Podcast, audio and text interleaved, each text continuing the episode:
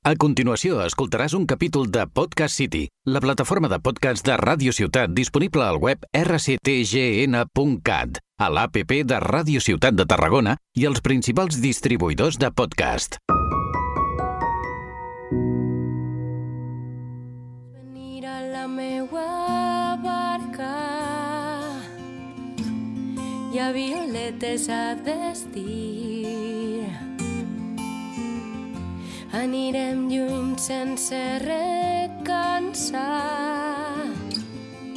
d'allò que haurem deixat aquí Bon dia, sóc la Lucía Medina i estic a, bueno, us presento el meu podcast sobre les veus de la Terra, es titula així, i tracta sobre donar veu a dones que actualment estan vives i estan lluitant d'alguna manera amb la lluita feminista d'avui dia. Avui porto de convidada a l'Eloïsa Valero, Hola.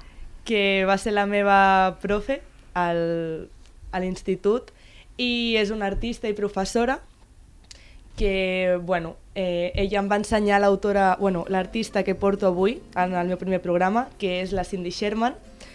Ens va ensenyar aquest artista com una lluitadora i una reivindicadora de, de, de la lluita feminista i vaig trobar que era, que era una molt bona idea portar-la de convidada en aquest programa. Així que, bueno, Elo, eh, Vas dir que faries una mica de la introducció sobre l'artista qui era, no? Exacte. La Cindy Sherman eh, va néixer a Nova Jersey el 19 de gener de 1954 i va estudiar eh, art a la Universitat de Buffalo. Va començar fent pintura, però molt aviat es va adonar de que no era l'art que ella volia fer, sinó que ella el que li agradava era disfressar-se i, i imitar I fer Eh, fotos. a través de la fotografia, molt bé, com un mitjà d'expressió. Llavors el seu camp de treball es va convertir en la fotografia, sobretot a Nova York, té moltes fotografies a Nova York, la majoria a l'exterior són allà, i bueno, la seva ocupació bàsicament és fotògrafa i activista pels, pels drets de les dones, tot i que als seus principis no va ser així, no? Eh, va començar simplement fent fotografies eh, de situacions, eh, imitant molt el cine de, de Hollywood dels, dels 40, dels 50, dels 60, i al final, sense voler, la van atribuir com una lluita feminista perquè en aquestes fotografies eh, al final estava, estava reivindicant la situació de la dona en aquella època, que al final era una situació de, de dona oprimida i de dona que, que estava sotmesa en una societat molt masclista. Eh, després, eh, bueno, la Cindy Sherman és considerada una de les figures més importants de la fotografia contemporània i, bueno, i ha fet molts treballs coneguts, entre ells el, bueno, els més coneguts són fotogrames sense títol, que de fet no els hi posa títols, i fa referència sobretot al llenguatge visual del cinema de- d'aquestes èpoques. Eh, particularment fa referència a, a directors, directors com Alfred Hitchcock, no? que al final aquestes fotografies estan ambientades en les seves pel·lícules. Diu que també li interessa molt el cinema europeu. Mm. El neorealisme italià, per exemple, te'n recordes? Que Sí. ho vam estudiar a classe? I pel·lícules de sèrie B i el cinema negre. Uh -huh. Sí, sí. I, de fet, ella ho va dir que li interessava el- a l'europeu i no al, al de Hollywood. Potser més el criticava, no?, per les fotografies que feia, al final. A veure, les seves fotos mm, realment no deixen indiferent. Sempre obren el debat, que per això estem aquí, oi, Lucía? I tant. Les seves fotos mm, plantegen una sèrie de, de problemes no? o rols de dona que ella qüestiona. ¿vale? I a mi quan me van fer llegir un llibre quan jo estudiava a la universitat que és de Roland Barthes i es diu La càmera lúcida. Val? I aquí en la càmera lúcida Roland Barthes diu que hi ha fotos que tenen una història, tenen un camp sec, mm? un campo ciego, no? Llavors, eh, jo crec que les fotos de la Cindy Sherman tenen aquesta història. Tu te la pots inventar, no? I crec que no tenen títol precisament per això, no? Perquè és superbonic que cadascú s'invente la història d'aquesta fotografia. I com tu bé has dit, són cinematogràfiques. Semblen com un fotograma congelat d'una pel·lícula. Per tant, tu has d'inventar el que va abans i el que va després, no? I les possibilitats són múltiples. De fet, en aquesta foto, que bueno, no sé si es veurà, que es veu la Cindy Sherman perquè a més és autorretrat, no? perquè surt ella, eh, és una dona al final pues, de la dècada dels 40-50 que fins i tot la seva mirada està en un fora de camp que també et dona com aquesta intriga de no titular una fotografia, no dir el que està veient, aquesta cara també no, com de de, de misteri. Sí, totalment. O sigui, al final la fotografia és totalment mi misteriosa, però dins de ser misteriosa tu et pots imaginar què passa al final. Tu et pots imaginar la vida d'aquesta dona. Saps que aquesta dona està vivint en una societat masclista que està oprimida, que no és lliure. Sense voler és una fotografia que no t'explica res, però t'està explicant molt. Uh Mhm. -huh. I mirant des d'una perspectiva artística ja, després també tenim fotografia... Bueno, eh, totes són del mateix estil, són dones, bueno, En blanc i negre. sí. I ella disfressada, sempre diferent. Aquí la veiem amb una perruca, no? Puc explicar que tu també te vas disfressar, Lucía? Sí, nosaltres vam fer referents sobre, sobre la Cindy Sherman i el meu, bueno, el meu... Treball? Caracterització va ser sobre el Che Guevara. Quina millor manera que reivindicar, no? A més, em vaig pintar els llavis de vermell per reivindicar que en aquell moment hi havia molta lluita, però la dona no estava inclosa. Que guai. Sí, sí.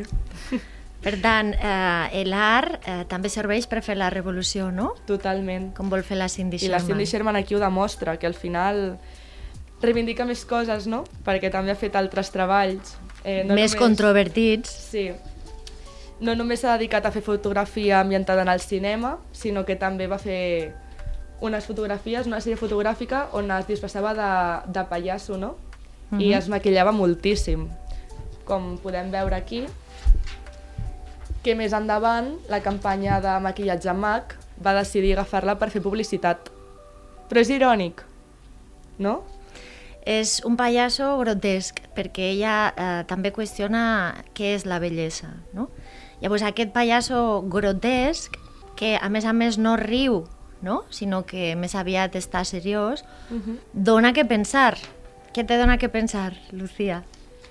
Doncs potser la campanya de MAC ens vol dir que, que el maquillatge et dona la felicitat i la Cindy Sherman et diu totalment el contrari, no? Clar, llavors és el client, se suposa, d'aquesta marca de cosmètics que ha de decidir finalment quin és el missatge. Val? Però coneixent la trajectòria de la Cindy Sherman, segurament el missatge és que eh, s'obre un debat important sobre la màscara, la màscara que tots tenim, no? I la màscara que pot ocultar eh, el que realment tu ets. Pot ser a través del maquillatge o pot ser a través de la identitat que construïm no? a través de les xarxes, que és realment el tema que nosaltres vam treballar a classe amb la Lucía. No? Nosaltres treballàvem el tema de la identitat. I moltes vegades aquesta identitat nosaltres la construïm per el, per el que s'espera de nosaltres. Però i nosaltres qui som realment? Sí, perquè al final la Cindy Sherman, eh, amb el seu treball fotogràfic, canvia la seva identitat a base de maquillatge i disfressa, no? I inclueix la, el maquillatge a la seva disfressa. Però també fins a quin punt decidim el per què el maquillatge ens fa canviar d'identitat i no la roba que portem o el pentinat que portem, per què ha de ser el maquillatge allò que ens canvia l'identitat, uh -huh. allò tan criticat en què ens fa ser una altra persona, si al final només és un altre complement que portem nosaltres. Sí, sí, però és curiós no, que sigui una marca de maquillatge la que decideix llançar els seus productes a través de uh, unes sèries uh, fotogràfiques que tothom coneix, no?, de la Cindy Sherman, no? Ella, per exemple, doncs, aquestes dones riques, no?, tan ben maquillades, amb aquests abrics de, de pells, no? De fet, aquesta no està tan maquillada, però Sí. encara i així mm, no se la reconeix. Però no està tan... Per exemple, en aquesta sí que apareix molt més maquillada, que es veu que és una exageració, és una hipèrbole, no?, al final, de, Sí, és una hipèrbole. del maquillatge, de, de dir fins a quin punt ens volem maquillar o ens volem amagar en el maquillatge. Què volem demostrar? Què volem demostrar, no?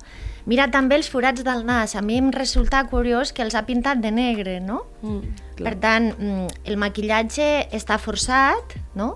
Està exagerat, com tu ben dius, no? i fins i tot la postura, la mirada, és completament artificial. Mm. No és frívola, no és frívola, no? perquè també podia haver caigut en la frivolitat del maquillatge i ja està, no? sinó que està, jo crec que qüestionant uh, unes maneres de viure, una, unes maneres de comportar-se, no? De cara a el que la societat pot esperar de nosaltres, no? que també és qüestionable el que la societat pot esperar de nosaltres. No? Recordo, Lucía, que vam fer uns debats molt interessants a classe parlant d'això, no? parlant de les xarxes, per exemple. Mm? No, no és exactament una marca de maquillatge, però nosaltres a les xarxes també de vegades ens imposem una sèrie de coses, no? I, i, i fins que no les aconseguim, no? Mm, no parem per els likes que nosaltres volem aconseguir, ¿vale? I jo crec que també indirectament parla d'això, no? no només de la riquesa que te dona un estatus o el maquillatge que te dona una aparença, no? Clar, perquè al final això ho decideix la societat. La sí, la societat imposa. que tu maquillant-te ets més guapa. Uh -huh. Llavors aquí la Cindy Sherman està dient ei, doncs mira, m'estic maquillant i no estic guapa. És perquè veritat. qui cregui que aquí la Cindy Sherman està guapa, bueno, per gustos també tothom pot decidir, en plan pot pensar diferents coses, però però aquí t'està dient, o bueno, potser aquí està més clar del dir ei, doncs jo estic, aquí estic maquillada però no estic guapa. Què? Què diu la societat sobre això? Uh -huh. És arriscat. La veritat és que aquesta marca no, de cosmètics eh, s'ha arriscat perquè també podria ser que no agradés aquesta campanya publicitària. Per suposat que la gent que li agrada l'art, com a tu, Lucía, eh, li pot interessar aquesta campanya, no? perquè de seguida reconeixerà l'obra de la Cindy Sherman i no deixa de ser, doncs mira, un target no? cult, una cultura no? que hi ha darrere d'aquesta campanya eh, publicitària. També vam veure a classe que la publicitat moltes vegades tira de l'art, no? perquè l'art són grandíssimes icones de la cultura. No?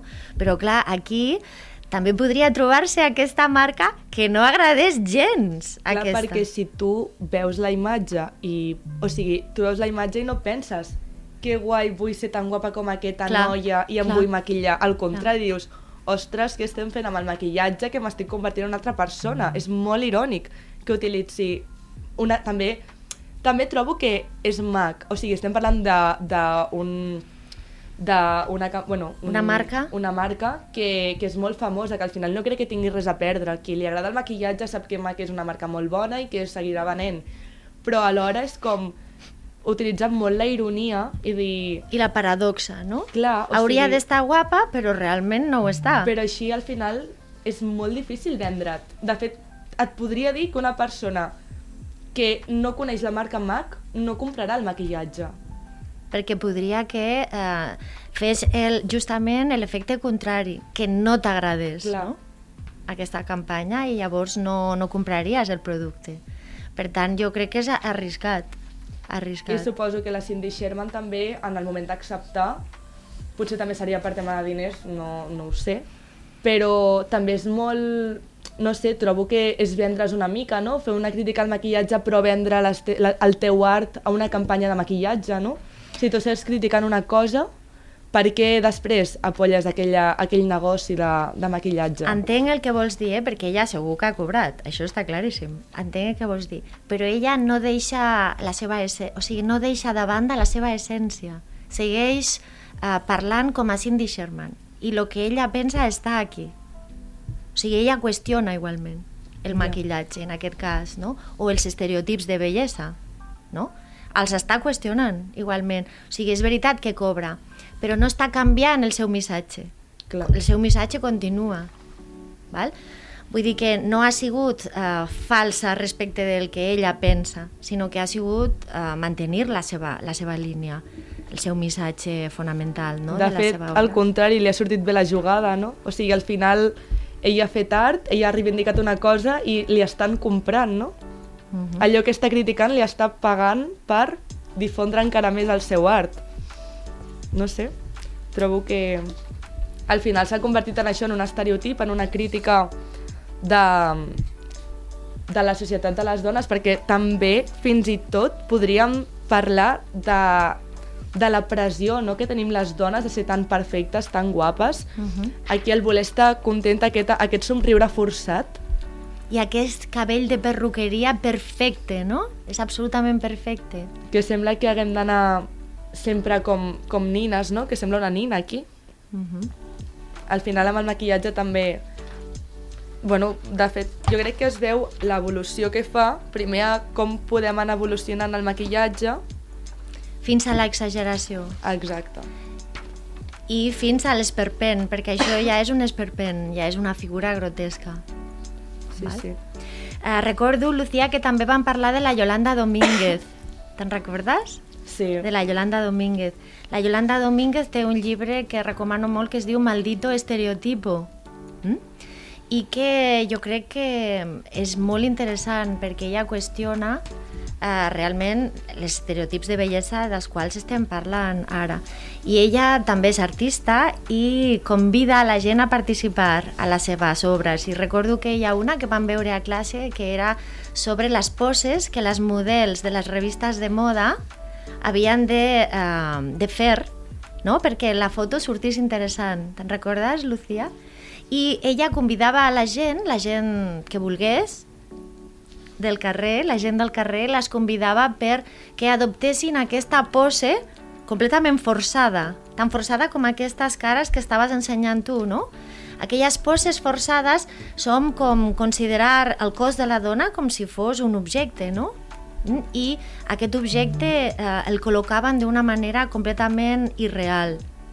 I ella ho feia amb la gent del carrer perquè la gent del carrer, les dones, s'havien prestat no? i quedaven també esperpèntiques aquelles dones. No? Per tant, eh, jo crec que tant una com l'altra, tant la, la Cindy Sherman com la Yolanda Domínguez, ens estan qüestionant eh, quines són les dones que volem ser, o sigui, realment quin paper volem tenir en la societat, com volem sortir representades als mitjans, com ens volem mostrar als altres. I també fins a quin punt podem decidir naltros quan ens maquillem o no, perquè al final el maquillatge també, bueno, és el que hem dit abans, eh, és un complement més. Fins a quin punt ens maquillem perquè volem o és una pressió estètica de la societat que ens està dient que hem de ser perfectes i per ser perfectes ens hem de maquillar. I quan se converteix en una obsessió, aquí ja sí que Exacte. comencen els problemes. Tenim com aquesta pressió, no? de m'agrada el maquillatge, però compte que no he de caure en la trampa de, de dependre d'aquest maquillatge, de si no surto amb el- amb l'eyeliner de casa no estic guapa, o si no em pinto els llavis no, no sortiré bé a la foto. Tu estàs guapa sempre, eh, Lucía? Totes estem guapes sempre, amb i sense maquillatge. Però sí que és veritat que jo crec que aquí la Cindy Sherman ens vol dir que, que hem de tenir en compte eh, fins a quin punt no hem de deixar de, de ser naltros, no? Mhm. Que aquí Aquest és el missatge. Deixa de ser ella pel maquillatge i és el que no hem de fer. Molt bé. Tenir el maquillatge però, però ser naltros. I bueno, Jo crec que ara ho has clavat, eh? Aquest és el missatge, o sigui, saber qui som, no? Si sabem qui som, doncs potser no s'obsessionaríem tant en eh, tenir una aparença que és la que altres esperen de nosaltres, no? sí, sí, totalment. Bueno, Elo, moltíssimes gràcies per venir. A tu! Estic molt contenta d'haver gravat aquest primer podcast amb tu. I, bueno, eh, si voleu trobar aquest podcast o seguir en xarxes aquest programa, eh, es diu la, Les veus de la Terra barra baixa podcast. I, bueno, espero que us hagi agradat i fins la pròxima.